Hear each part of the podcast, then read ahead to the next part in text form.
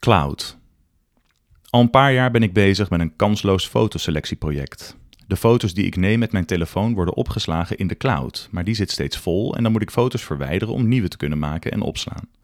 Kennelijk is het maar een klein cloudje, een schapenwolkje dat weigert uit te dijen. Toegegeven, er staan momenteel 18.709 foto's en 1489 video's in die wolk.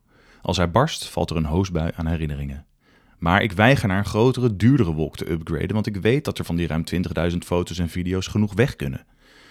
Het is te makkelijk geworden immers, een fotootje of tien te schieten bij het minst en geringst fascinerende tafereel.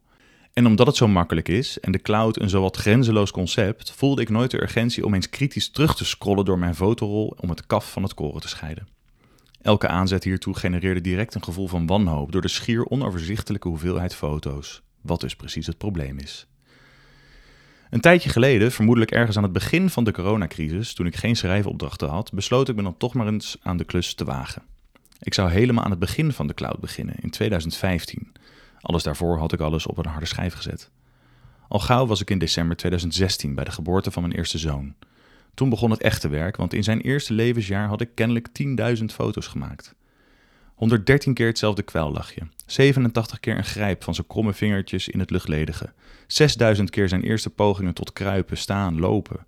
Daar komen wat van weg. Maar welke dan? Ik vond het heel moeilijk om foto's te deleten. Het was toch precies die blik, die stand van zijn lippen, die specifieke houding die ik na verwijdering nooit meer zou zien.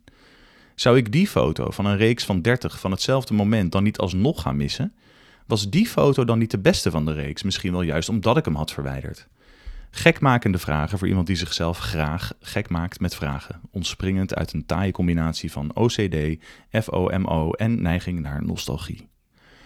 In die zin was het goede therapie. De cloud zat vol, dus ik moest wel.